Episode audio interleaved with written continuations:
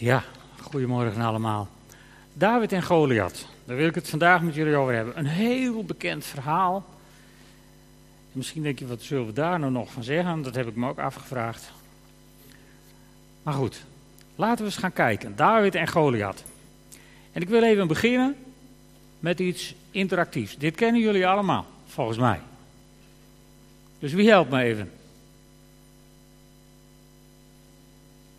Zijn jullie benauwd? Jullie zijn nog lang niet aan Goliath toe. Hm? Nee, dat mogen jullie even doen. Wie begint? Met zijn slinger, die was voor niemand bang. Hij bad tot God zijn vader en zong een lofgezang. Klein veracht van mensen vertrouwde hij op God.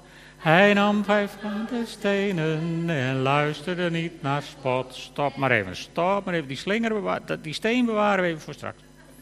Maar ik wil even met jullie naar dit, dit liedje kijken. Dit liedje is eigenlijk een hele korte samenvatting van het geheim van David. In zijn strijd ook tegen Goliath. Dit liedje heeft namelijk een kern, letterlijk en figuurlijk. Want wat is het geheim van David? Hij bad tot God zijn vader. Hij zong een lofgezang. Hij vertrouwde op God. En hij zocht zijn gladde stenen. En daarbuitenom was hij voor niemand bang. En hij luisterde ook niet naar spot. Dus die buitenkant, daar had hij niks mee te maken. De kern was zijn relatie met God. Dit is het grote geheim van David, de man naar Gods hart. Dit is waar het om ging. En ik wil met jullie een lang stuk lezen uit de Bijbel, heel Samuel, 1 Samuel 17.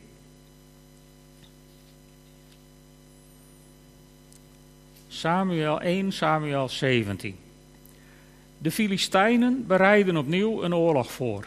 Ze verzamelden zich in Soko in Juda en sloegen hun kamp op in Efes Damim tussen Soko en Azeka. Saul riep het leger van Israël op en sloeg zijn kamp op in de Terebintenvallei. Daar stelden ze zich op tegenover de Filistijnen. Op de ene helling stonden de Filistijnen en op de andere de Israëlieten.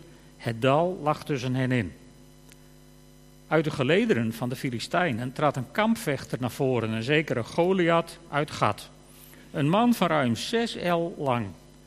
Hij had een bronzen helm op zijn hoofd en droeg een bronzen schubbenpanzer van wel vijfduizend shekel woog.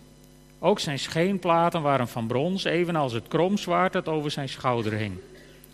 De schacht van Selans was zo dik als de boom van een weefgetouw en de punt was gemaakt van 600 shekel ijzer. Een schildknecht ging voor hem uit.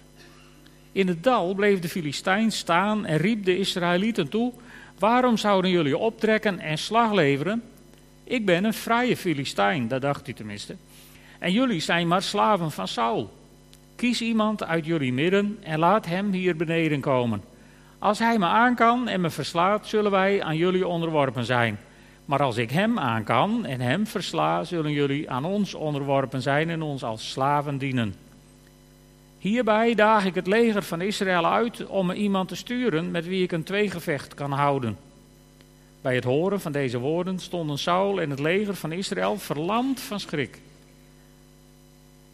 David was een zoon van Isaï uit Bethlehem, dat in de streek Efrata in Juda ligt. Deze Isaï had acht zonen. Hij zelf was in de tijd van Saul al te oud om nog onder de wapenen te gaan. Maar zijn drie oudste zonen trokken met Saul ten strijde. De oudste heette Eliab, de tweede Abinadab en de derde Sama. David was de jongste. Zijn drie oudste broers waren met Saul ten strijde getrokken en hij ging heen en weer tussen het kamp van Saul en Bethlehem waar hij de kudde van zijn vader hoedde. Ondertussen trad de Filistijn elke ochtend en elke avond naar voren, veertig dagen lang, en bleef dan staan wachten. Op een dag zei Isaïe tegen zijn zoon David: Hier heb je een zak geroosterd graan en tien broden. Breng die snel naar je broers in het legerkamp en deze tien kazen moet je aan hun bevelhebber geven. Vraag je broers hoe het met ze gaat en neem een levensteken van hem mee terug. Saul was met de soldaten van Israël, onder wie Davids broers, nog steeds gelegerd in de Terebintenvallei tegenover de Filistijnen. De volgende ochtend vroeg ging David met de proviand op weg, zoals Isaïe hem had opgedragen. Zijn kudde liet hij achter onder de hoede van iemand anders. En hij kwam juist bij het wagenkamp aan toen het leger onder het aanheffen van strijdkreten de linies betrok. De Israëlieten en de Filistijnen stelden zich in slagorde tegenover elkaar op. David gaf zijn spullen af aan de fourier en haastte zich naar de gevechtslinie. Daar vond hij zijn broers en hij vroeg hoe het met ze ging. Terwijl hij met ze aan het praten was, trad uit de Filistijnse gelederen de kampvechter naar voren, Goliath uit Gat. En David hoorde hem de Israëlieten uitdagen zoals hij dat elke dag deed. Bij het zien van Goliath renden de Israëlieten angstig weg. Zien jullie die man daar? zeiden ze tegen elkaar. Israël vernederen, daar is het hem om te doen. Wie hem verslaat, zal door de koning met rijkdommen worden overladen. Bovendien krijgt hij de koningsdochter tot vrouw en wordt zijn familie vrijgesteld van schatting en herendienst. David vroeg aan de soldaten die in zijn buurt stonden: Wat gebeurt er met degene die die Filistijn daar verslaat en Israël van deze schande bevrijdt? Wat denkt die onbesneden Filistijn wel dat hij de gelederen van de levende God durft te beschimpen? De soldaten herhaalden tegen hem wat ze zojuist gezegd hadden. Toen Davids oudste broer Eliab hem met de soldaten hoorde praten, viel hij woedend uit: Wat doe je hier eigenlijk? Hoor jij niet in de woestijn op je schapen te passen? Echt iets voor jou om met je brutale neus vooraan te willen staan als er gevochten gaat worden. Wat doe ik nu weer verkeerd? antwoordde David. Ik vraag het toch alleen maar. Hij draaide zijn broer de rug toe en legde zijn vraag nog aan anderen voor en kreeg weer hetzelfde antwoord. Davids vragen bleven niet onopgemerkt. Men vertelde het aan Saul en die liet hem bij zich komen. David zei tegen Saul: We hoeven om die Filistijn toch niet te moeten verliezen, heer? Ik zal met hem het gevecht aangaan. Maar je kunt hem onmogelijk aan, wierp Saul tegen. Je bent nog maar een jongen en hij is al van jongs af aan gewend om te vechten. Ik heb altijd de kudde van mijn vader goed, antwoordde David.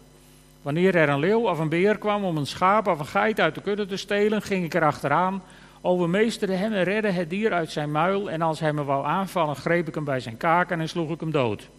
Leeuwen en beren heb ik verslagen, en die onbesneden Filistijn zal het net zo vergaan, omdat hij de gelederen van de levende God heeft beschimd. De Heer die me gered heeft, zal uit de klauwen van leeuwen en beren, zal me ook redden uit de handen van deze Filistijn. Ga dan, zei Saul tegen David, en mogen de Heer je bijstaan. Hij gaf hem zijn eigen uitrusting en hielp hem die aan te doen. Een bronzen helm voor op zijn hoofd en een borstkuras.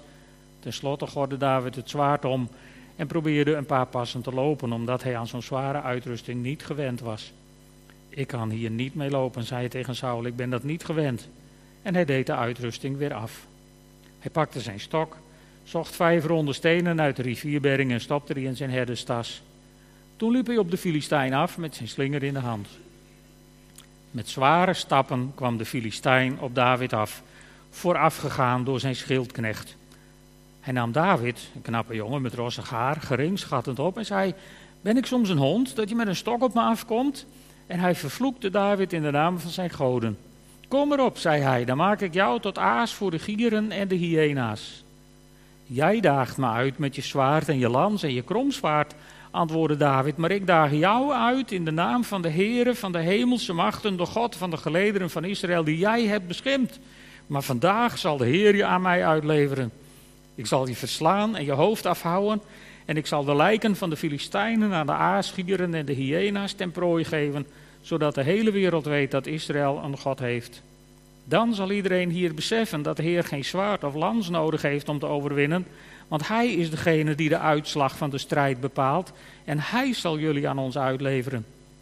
Toen kwam de Filistijn op David af en wilde tot de aanval overgaan, maar David was hem te snel af. Hij rende hem tegemoet stak zijn hand in zijn tas en haalde er een steen uit, slingerde die weg en trof de Filistijn zo hard tegen het voorhoofd dat de steen naar binnen drong en de Filistijn stortte voorover. Zo overwon David de Filistijn met een slinger en een steen. Hij trof hem dodelijk zonder dat hij daar een zwaard bij nodig had. Hij rende naar de Filistijn toe, boog zich over hem heen en trok diens zwaard uit de schede. Daarmee gaf hij hem de genadestoot en sloeg hem zijn hoofd af. Toen de Filistijnen zagen dat hun held dood was, sloegen ze op de vlucht. Nu sprongen de Israëlieten en Judeërs op, hieven de strijdkreet aan en achtervolgden hen tot aan Gat en de poorten van Ekron. De hele weg van Saaraim tot aan Gat en Ekron lag bezaaid met gesneuvelde Filistijnen. En toen de Israëlieten van hun achtervolging terugkwamen, plunderden ze het Filistijnse legerkamp. David nam het hoofd van de Filistijn mee om het naar Jeruzalem te brengen. De wapens die hij hem had afgenomen legde hij in zijn tent. Terwijl Saul toekeek hoe David de Filistijn tegemoet trad, trad, vroeg hij aan zijn opperbevelhebber Abner: Zeg eens, van wie is die jongen een zoon? Zowaar u leeft, koning, antwoordde Abner, ik weet het niet. Zoek dan uit van wie die jongeman een zoon is, droeg de koning hem op. Toen David na zijn overwinning op de Filistijn terugkeerde, wachtte Abner hem op en leidde hem naar Saul. Het hoofd van de Filistijn had hij nog in de hand. Van wie ben jij een zoon, jongen? vroeg Saul en David antwoordde: Ik ben de zoon van uw dienaar Isaïe uit Bethlehem. Een geweldig verhaal. Ik vind het tenminste altijd weer een geweldig verhaal. En we zien hier, het was een, het was een moeilijke tijd voor Israël. De Filistijnen maakten hen het leven zuur en nu waren ze ook nog gekomen om te vechten. En Saul was ook opgetrokken met zijn leger en de partijen die hadden zich prachtig geregeld, gelegerd op twee heuvels met het dal tussen hen in. En het is eigenlijk wel een beetje een komisch verhaal, want ze gaan onder het uiten van geweldige strijdkreten, gaan ze hun plekje zoeken op de helling. En zodra Goliath naar beneden komt en boer roept, slaan ze gillend op de vlucht. En je zou zeggen, na 40 dagen is die strijdkreet dan wel een beetje over. Dan heb je toch door dat je voor paal staat met z'n allen. Elke dag opnieuw. Maar goed, zo was de situatie. En weet je, zo is de situatie in de geestelijke wereld ook op deze wereld.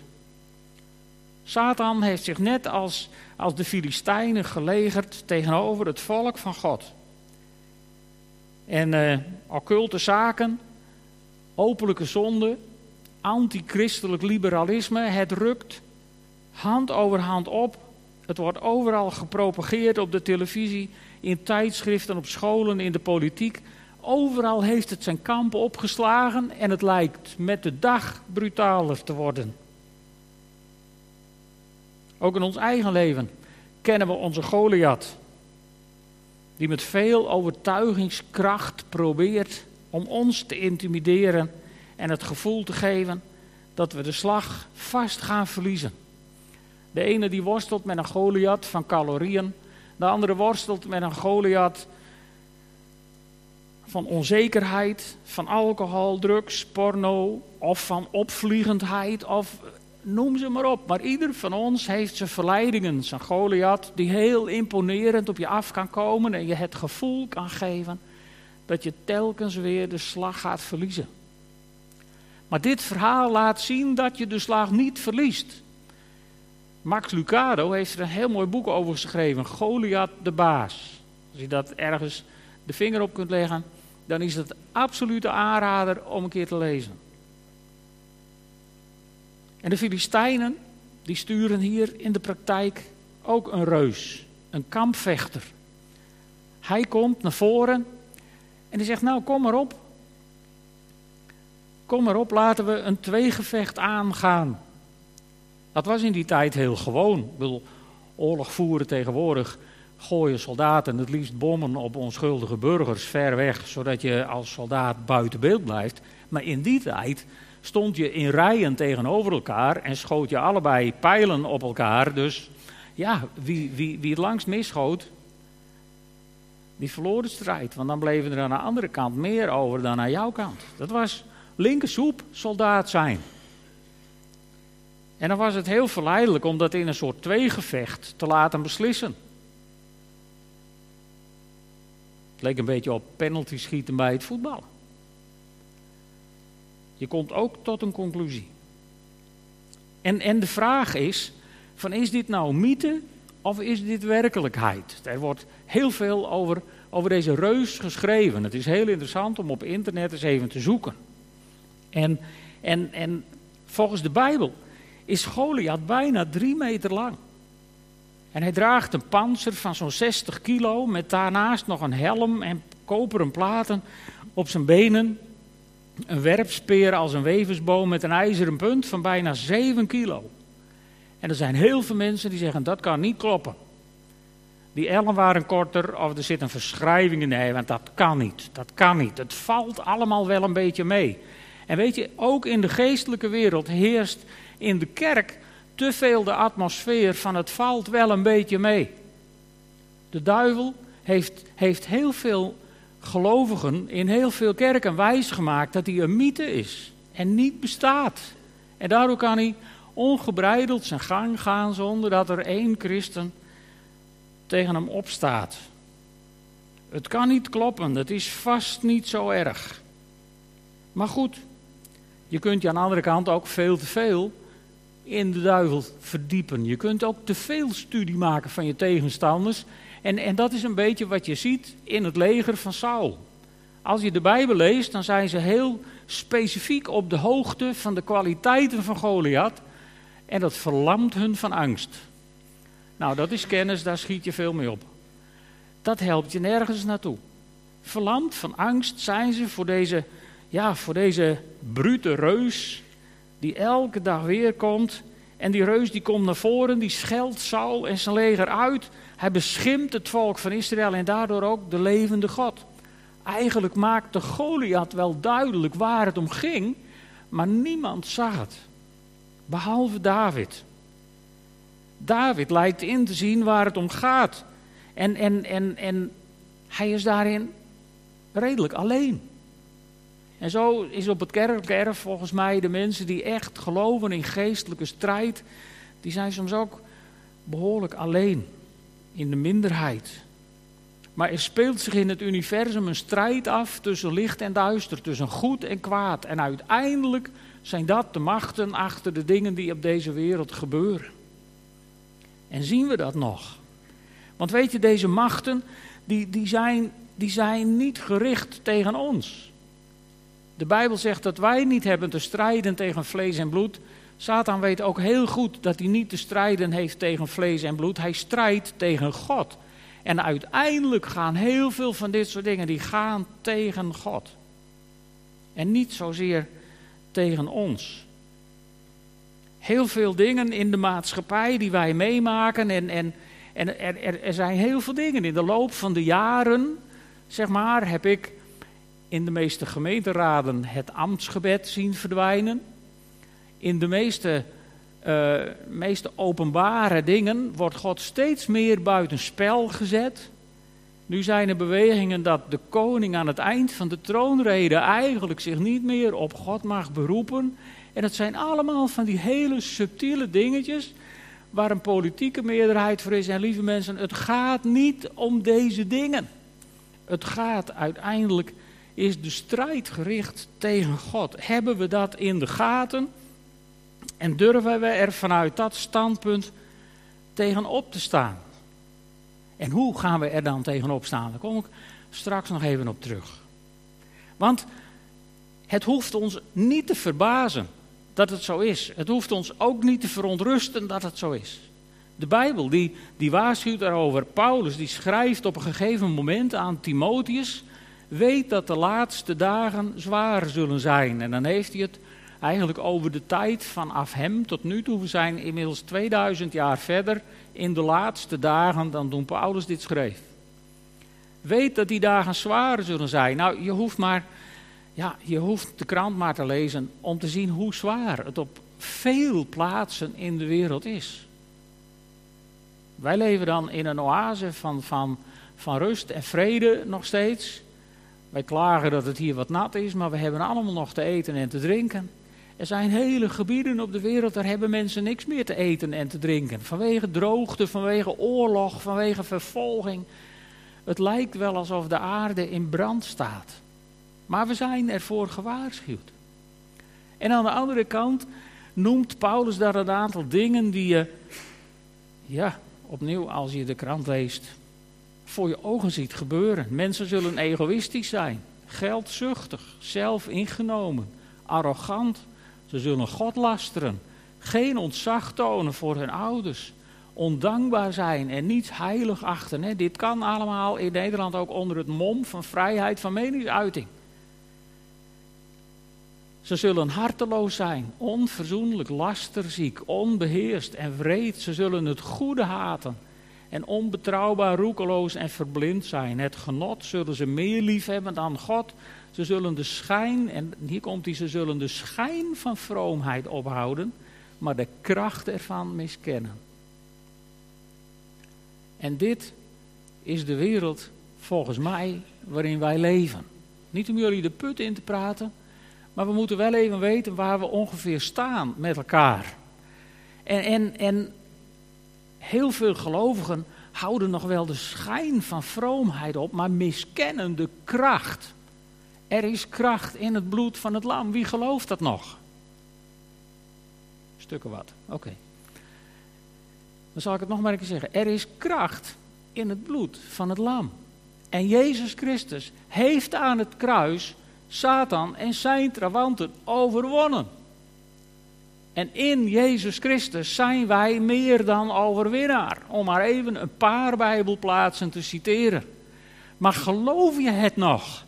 Leef je eruit?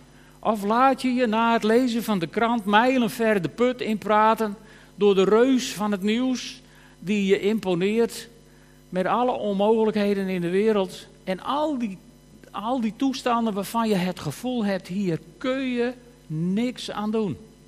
Het is een druppel op de gloeiende plaat en je hoort het mensen veel zeggen. Geloof je dat of geloof je met mij dat wij in Christus meer dan overwinnaar zijn?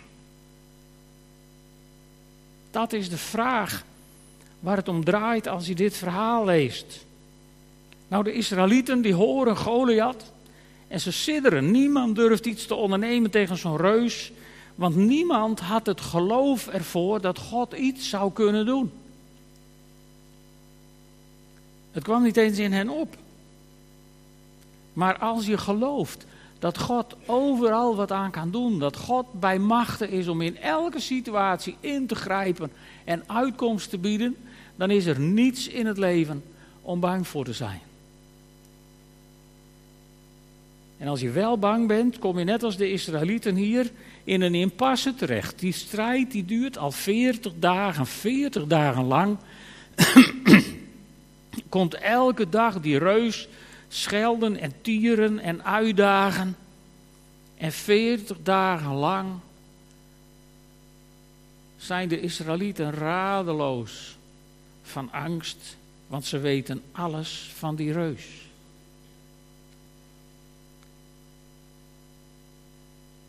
Er waren ook drie zonen van Isaï bij. En, en als je dit verhaal leest, dan is het net alsof je het verhaal waar we vorige week over hebben gesproken, dat Samuel David tot koning zouden, alsof we dat verhaal niet hebben gelezen. Hè. Ze worden aan ons geïntroduceerd alsof we ze nog niet kenden. Vind ik altijd een beetje typisch in dit verhaal.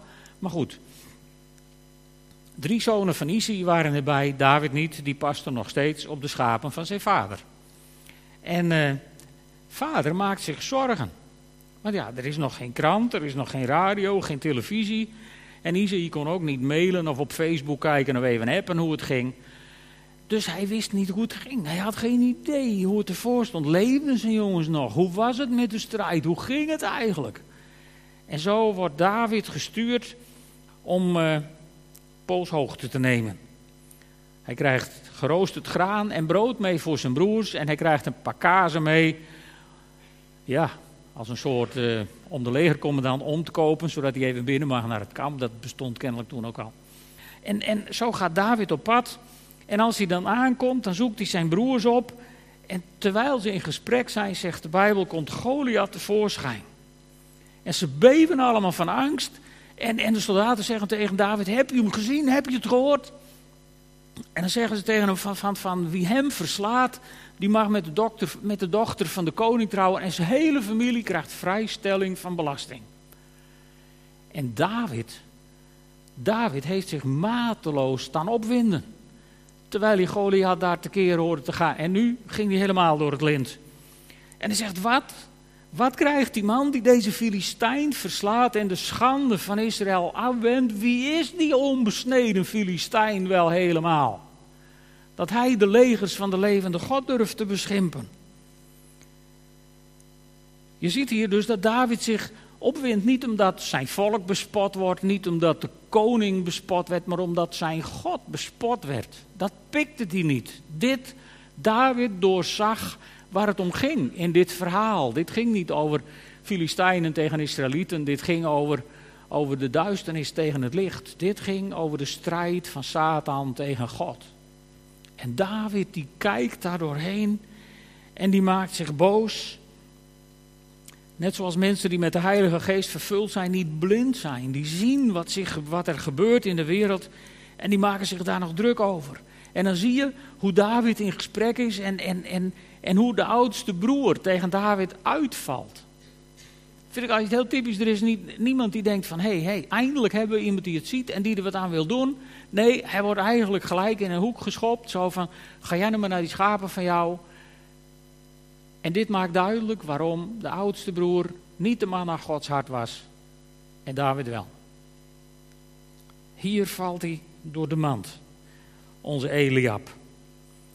En goed, zo komt het verhaal terecht bij Saul. En David wordt bij Saul gebracht. En Saul, Saul doet hetzelfde wat Samuel deed toen hij Eliab wilde salven. Saul die kijkt, die ziet aan wat voor ogen is. En die ziet David eraan komen. Ja, David, een jongen. Een kreersvintje. Aardig geschikt als muzikant, maar niet als soldaat om die reus te bestrijden. Kom nou toch even. Dat gaan we toch niet doen. Bovendien was de vraag om het hele lot van het volk Israël in, zijn handen te leggen. Ja, dat had God al lang gedaan door hem te zalven als koning, maar dat wist Saul niet. En Saul die ziet dat helemaal niet zitten. Het is veel te gevaarlijk, zegt Saul. En eigenlijk zegt hij wat, wat wij misschien ook wel zouden zeggen. Luister eens, het komt erop aan hoor nu. Dat kun je toch niet aan de jeugd overlaten? Hij is veel te jong. En goed, als je daar nou zo naar kijkt, dan was de bezetting van het podium vanmorgen veel te jong. Om op zo'n belangrijke geestelijke plek te staan om ons mee te nemen in aanbidding. Maar ze stonden er wel en ze deden het toch. En zo zie je hoe heel veel jongeren vandaag de dag stappen zetten. Hè? Ze gaan naar de Royal Mission School of ze gaan naar een andere Bijbelschool. Om een jaar van hun leven of langer apart te zetten.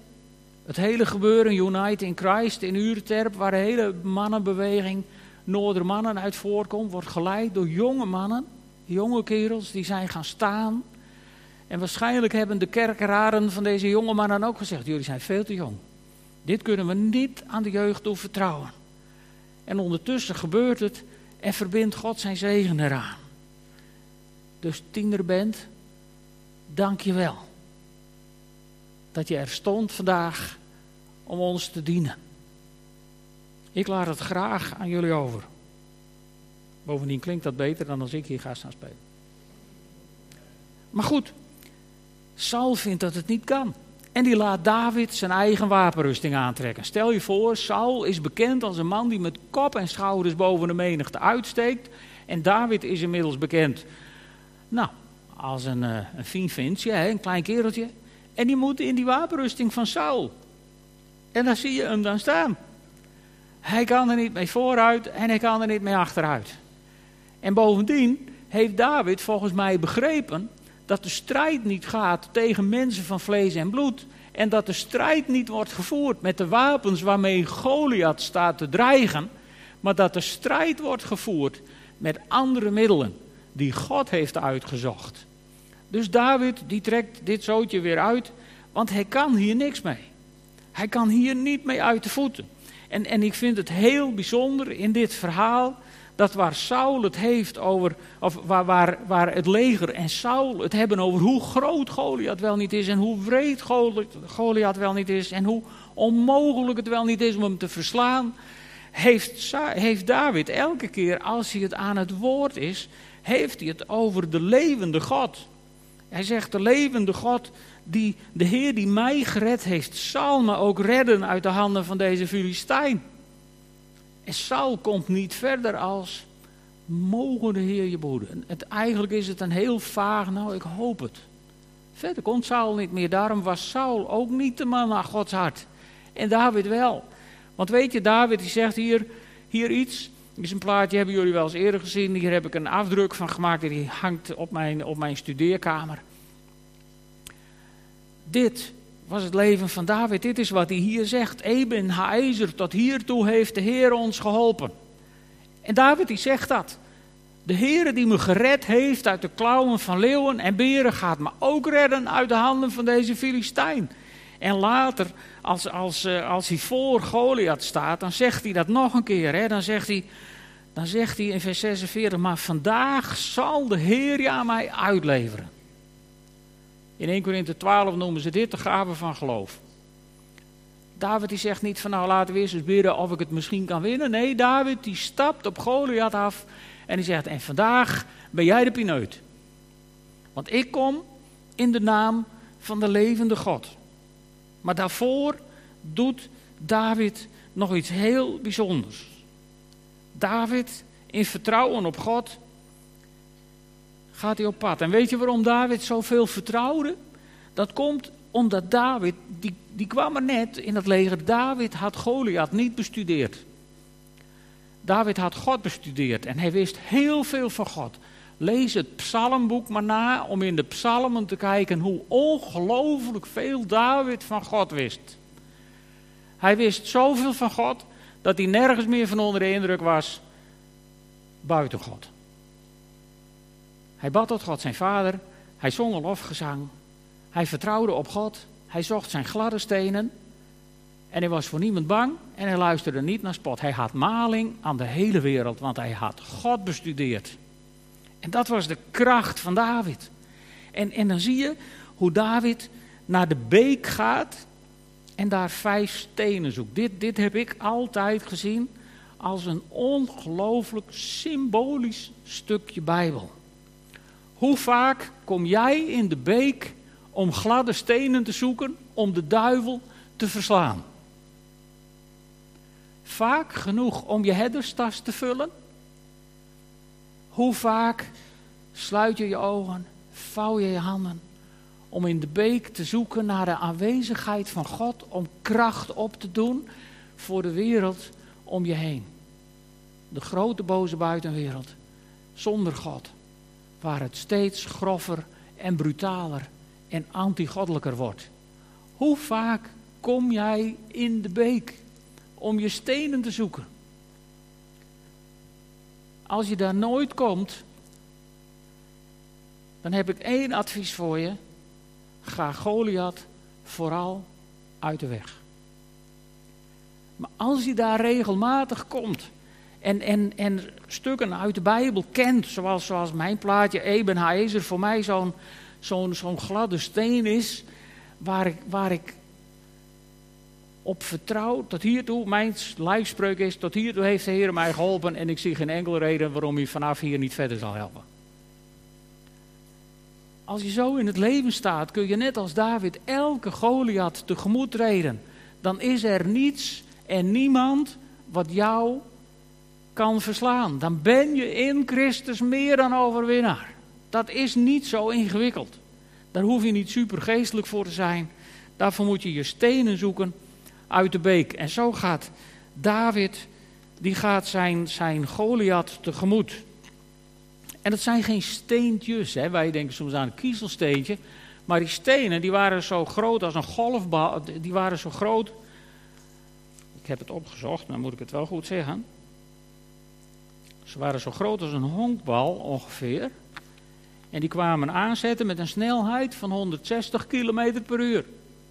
Ongeveer de hagelstenen als de tennisballen. Laatst in het zuiden van het land. Daar hoef je maar één van op je hoofd. En Goliath kreeg er ook één tegen zijn hoofd. En Goliath die kreeg reuze hoofdpijn van die enorme steen. Maar goed, David verlost hem van zijn hoofdpijn, die slaat het hoofd eraf, klaar. En zo is Goliath verslagen. Goliath is verslagen. Dat deed me denken aan Genesis 3, vers 15.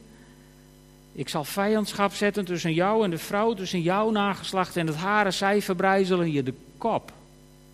En jij bijt hen in de hiel. Nou, Goliath beet niet meer. Die was uitgebeten.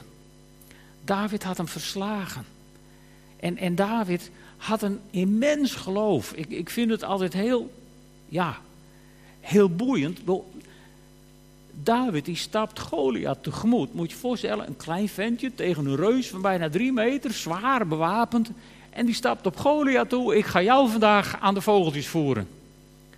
Ik wist als kind al dat je dat alleen zei tegen lui die veel kleiner waren dan jij. En niet tegen lui die veel groter waren. Dat was niet handig. Maar goed, David is vol vertrouwen en die wint deze strijd. En dan slaan de Filistijnen op de vlucht. Israël beleeft als het ware een opwekking. Want al die zielenpoten op die berghelling die elke dag gillend op de vlucht sloegen voor Goliath, die reizen ineens overeind omdat ze een leider hebben gezien die niet bang is en die, die vertrouwt op God. En, en ze rennen achter de Filistijnen aan, richten een enorme slachting aan. En zo komen ze allemaal in een opperste feeststemming terug, omdat er één man was die geen studie had gemaakt van de reus, maar die alles wist van zijn God. En die er volledig op vertrouwde van die God die me tot hiertoe geholpen heeft, die gaat me ook vandaag helpen. Ongeacht hoe de situatie is. En dan eindig ik bij een psalm, nog een keer van David. Weet je, soms kunnen in je leven de bergen immens hoog zijn. Soms kunnen in je leven de reuzen enorm groot zijn. Maar als je de berg onder ogen ziet, dan kun je net als David zeggen: Ik sla mijn ogen op naar de bergen. En ik denk niet help wat een berg, maar ik denk waar komt mijn hulp vandaan? Mijn hulp is van de Heere die hemel en aarde gemaakt heeft en die nooit loslaat wat zijn hand in de mensenleven begon. Mag ik je dat meegeven naar huis, deze week? Dat vertrouwen. Wat er ook gebeurt.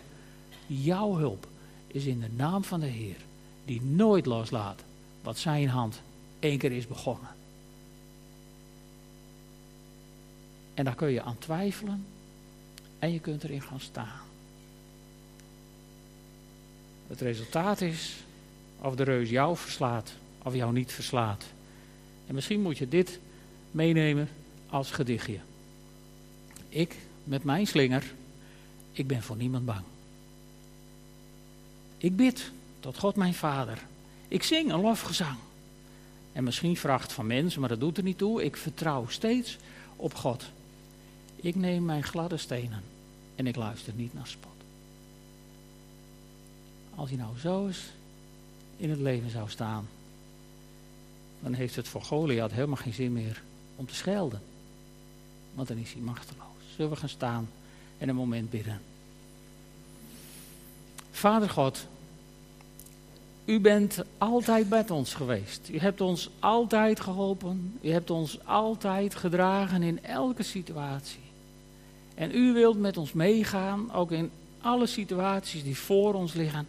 Of het nu de komende week is of verder in de toekomst, Heer.